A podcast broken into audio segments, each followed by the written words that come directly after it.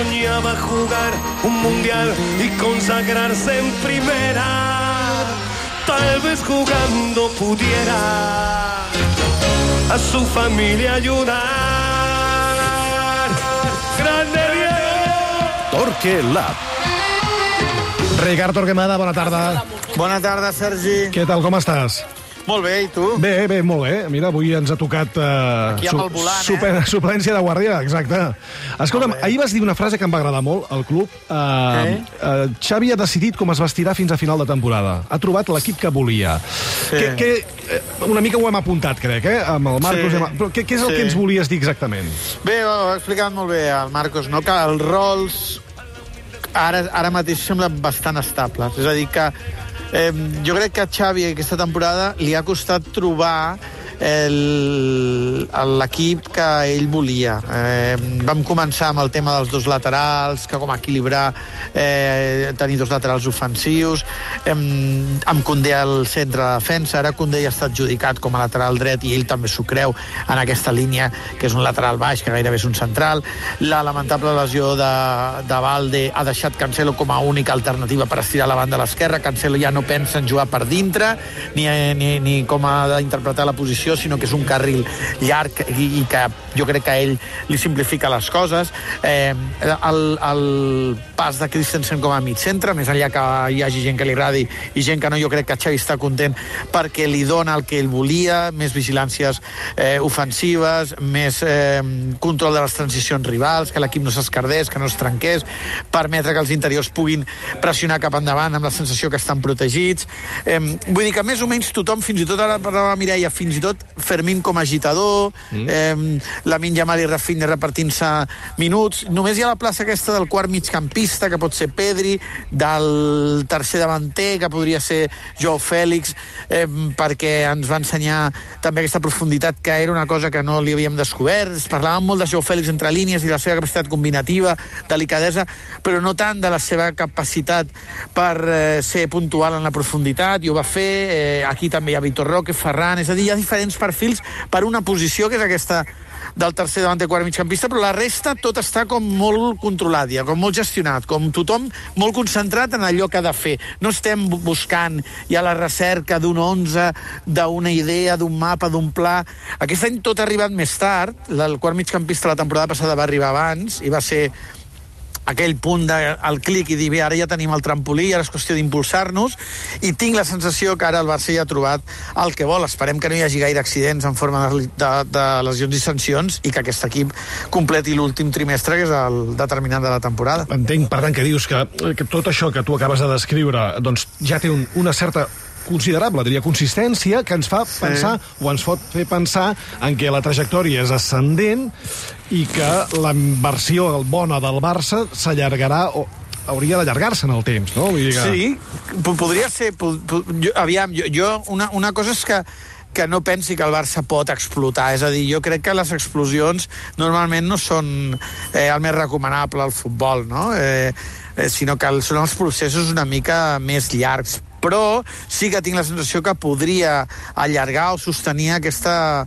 eh, aquesta mirada una miqueta més eh, segura d'ell mateix, no? La sensació de que sap què ha de fer en cada moment. Per mi una de les coses que més m'ha agradat dels últims partits és aquesta, que cada partit l'ha jugat amb la interpretació del pla de partit concret i específic, no? Eh, en alguns partits ho ha pogut allargar més, Getafe, que és un partit que ens crida molt l'atenció perquè ho explicava la Mireia, eh, és antinatura, és a dir, el Barça no és un equip eh, gaire acostumat a pensar en profunditat, en vertical, a connectar passada i receptor, eh, prefereixen jugar els jugadors rebre al peu, i, i, i fer un partit antinatura i fer-lo tan complet, jo crec que obre un horitzó, perquè si eh, allò que no estàs preparat per fer o que no és la teva assignatura preferida, diríem que treus tan bona nota, mm, tot es, tot es relaxa, tot millora. Ja tens, ja tens un altre registre que potser no estaves segur que, que tindries. Però bé, els primers 20 minuts contra el Nàpols, o la mitja hora, com li vulgueu dir, perquè hauríem de repassar el partit per saber exactament.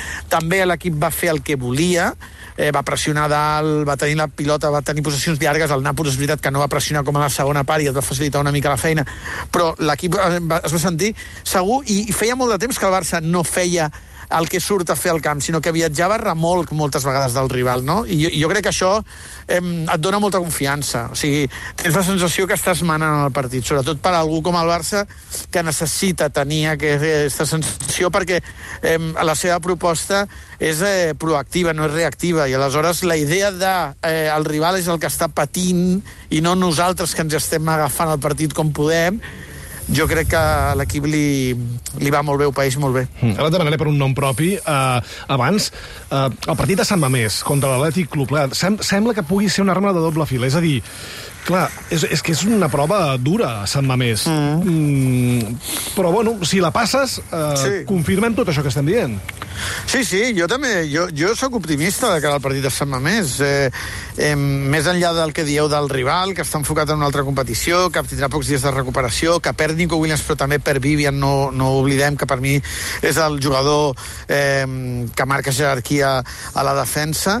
Al Barça tenim una altra setmana per descansar, una setmana per consolidar tot allò que està sentint, per mm, pair, assaborir aquestes bones sensacions en, després de tres mesos on cada cop que assabories, assabories agre, de cop i volta passes a assaborir dolç, eh, i, i, i tot això diríem que, que l'organisme col·lectiu jo crec que, que ho pot agrair. I, I hi ha algunes coses més que el Barça ha fet bé, no? Eh, per mi ha, ha, ha tornat a tenir moments de pressió molt interessants. Una estona a Vigo, per exemple, mm. eh, una estona a Nàpols.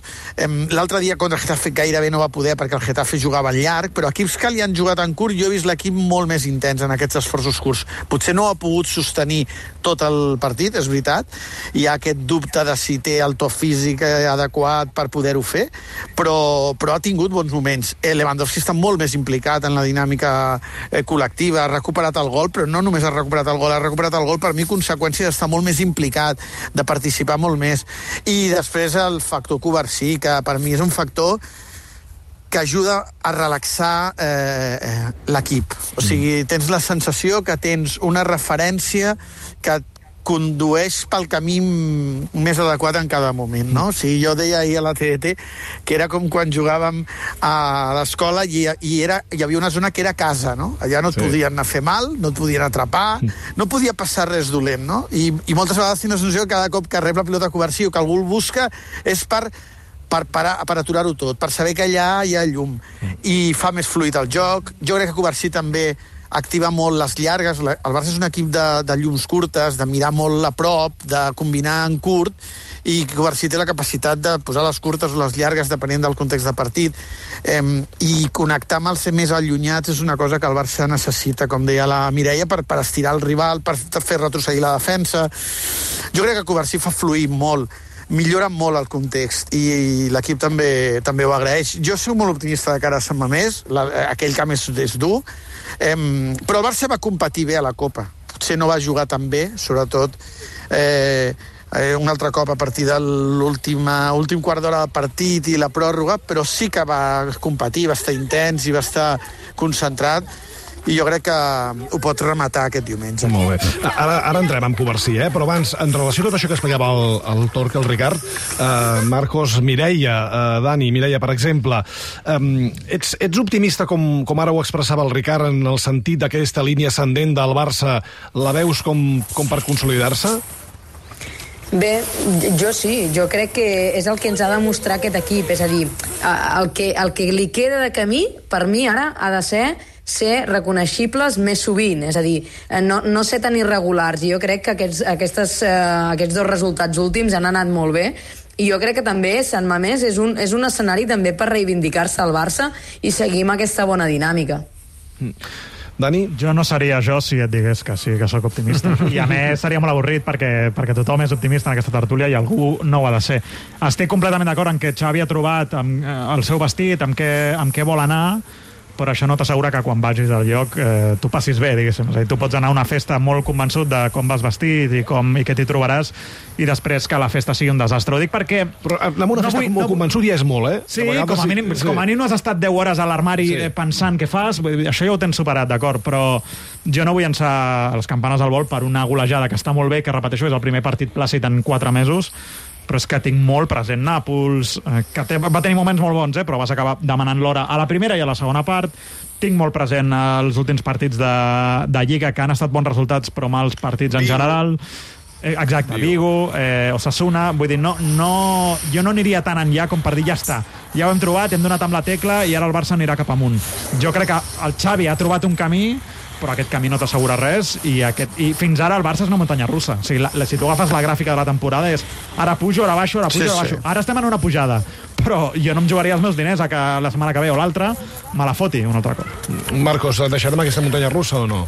Sí, es verdad que está en una montaña rusa y que está en ese momento, pero creo que mm, más allá de que está en esa montaña rusa, lo importante para mí es que el equipo ahora tiene un camino. Es decir, mejor o peor, pero tiene un camino, tiene, tiene un libro de estilo, tiene una, tiene una hoja de ruta. Por ejemplo, Christensen no es el medio centro soñado. Eso es obvio que no es el medio centro soñado, ni mucho menos. A, veces hasta parece incluso, y está mal decirlo hoy porque el otro día dio una asistencia en el segundo gol precisamente yo a Félix, a veces hasta parece un jugador invisible para el resto de sus compañeros en ataque sobre todo. Es un cortafuegos, esa palabra que ahora se, se utiliza tanto a, a nivel de dimisión de, de política y todo eso. Es un cortafuegos y está haciendo su trabajo. Y creo que el problema del Barça es que no ha tenido alguien ahí en esa zona que al menos haga los tres conceptos básicos, A, B y C. O sea, evidentemente no tiene ni la capacidad de distribución ni la clarividencia de Busquets, pero yo creo que el partido de San Mamés es un buen momento porque al equipo le llega en un buen momento porque el Athletic le llega, fíjate cómo está el Athletic, en casa es intratable, pero fuera es un equipo irregular. Perdió en Almería, perdió el, eh, perdió el otro día también.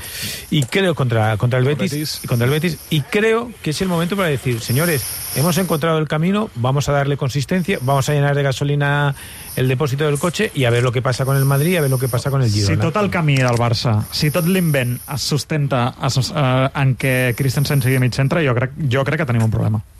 No, no, no solo en él, pero es, es una suma de una- pequeñas decisiones. Es decir, Cubarsí no es lo mismo. Fíjate, Araujo. Això sí, eh, això sí que és determinant sí, per mi. claro, això sí que canvia moltes coses. Claro. Tenir Coversió, tenir Íñigo a l'11 Claro, inicial. No, y tener a Cubarsí de central diestro o de central zurdo. Eh, Araujo no está en un buen momento. Cundé ha recuperado en los últimos partidos al menos la, eh, la intensidad defensiva. Pero es evidente que... Y fíjate que el otro día, sí, insisto, sin Lamin, sin Lamin, que era el jugador más desequilibrante, el equipo genera muchas ocasiones. Va, contundent ahir, Ricard, eh, contundent en el bon sentit de la paraula, et vaig veure amb Covarsí. Em sembla que vas dir que era el millor, el central que treia millor la pilota dels que tu havies vist últimament a Can Barça, eh? Jo no, jo, no, jo no havia vist mai ningú a aquest nivell. És veritat que el futbol evoluciona i cada cop t'exigeix més, no? I per tant, eh, els jugadors s'han d'adaptar a escenaris més exigents i, i, i això fa que, que brillin més, no? Vull dir que podria haver-hi centrals que podien haver estat a aquest nivell i potser el futbol no els hi va, no els hi va proposar en aquell moment. Però sí, sí, a mi em sembla un jugador... Jo, jo estic molt en- enamorat des de fa temps i entenc que no sóc gaire objectiu, però és un jugador que, vaja, que, que és molt atractiu de veure i que, i que jo crec que, que, que marca el to d'un equip, que, que, que, té una influència altíssima en com es, eh, s'expressa l'equip futbolísticament. Mm, Sergi, per acabar, mm una mica eh, eh, lligant tot el que han dit la Mireia, el Dani i el, i el Sí. Marcos, jo no sé si el sostre és gaire alt. Eh? I, o sigui, jo, jo aquí és on tinc els dubtes sobre la capacitat que té l'equip per trobar versions òptimes i amb certa continuïtat. El que sí que eh, crec que és el moment de, de ser, com deia la Mireia, reconeixible i d'expressar-te amb les teves virtuts i les teves limitacions. Acceptar les teves limitacions, perquè ho deia el Dani, Christensen no ha nascut en principi per jugar com a mig centre, és una solució d'emergència i per tant sabem que aquí hi ha una limitació. Però com a mínim acceptar-la, assumir-la i dir eh, això és el que volem, eh, farem coses molt bé, veurem fins on arribem, però si l'equip fos capaç de comportar-se amb certa regularitat després de la muntanya russa dintre d'una d'una expressió que tots eh, diríem que consensuem que és pròxima al que Xavi ens podria donar el que el Barça podria fer i després doncs veurem fins on arribem eh, després de tots els peatges que ja hem anat acumulant. Molt bé. Acomiadem el Ricard. Eh, de seguida continuarem parlant de Covarsí, dels joves, hem de connectar amb la Laia Tudel. Eh, fem una aturada per la publicitat. Ricard, eh, gràcies una vegada més, que vagi molt bé. Adeu a tothom.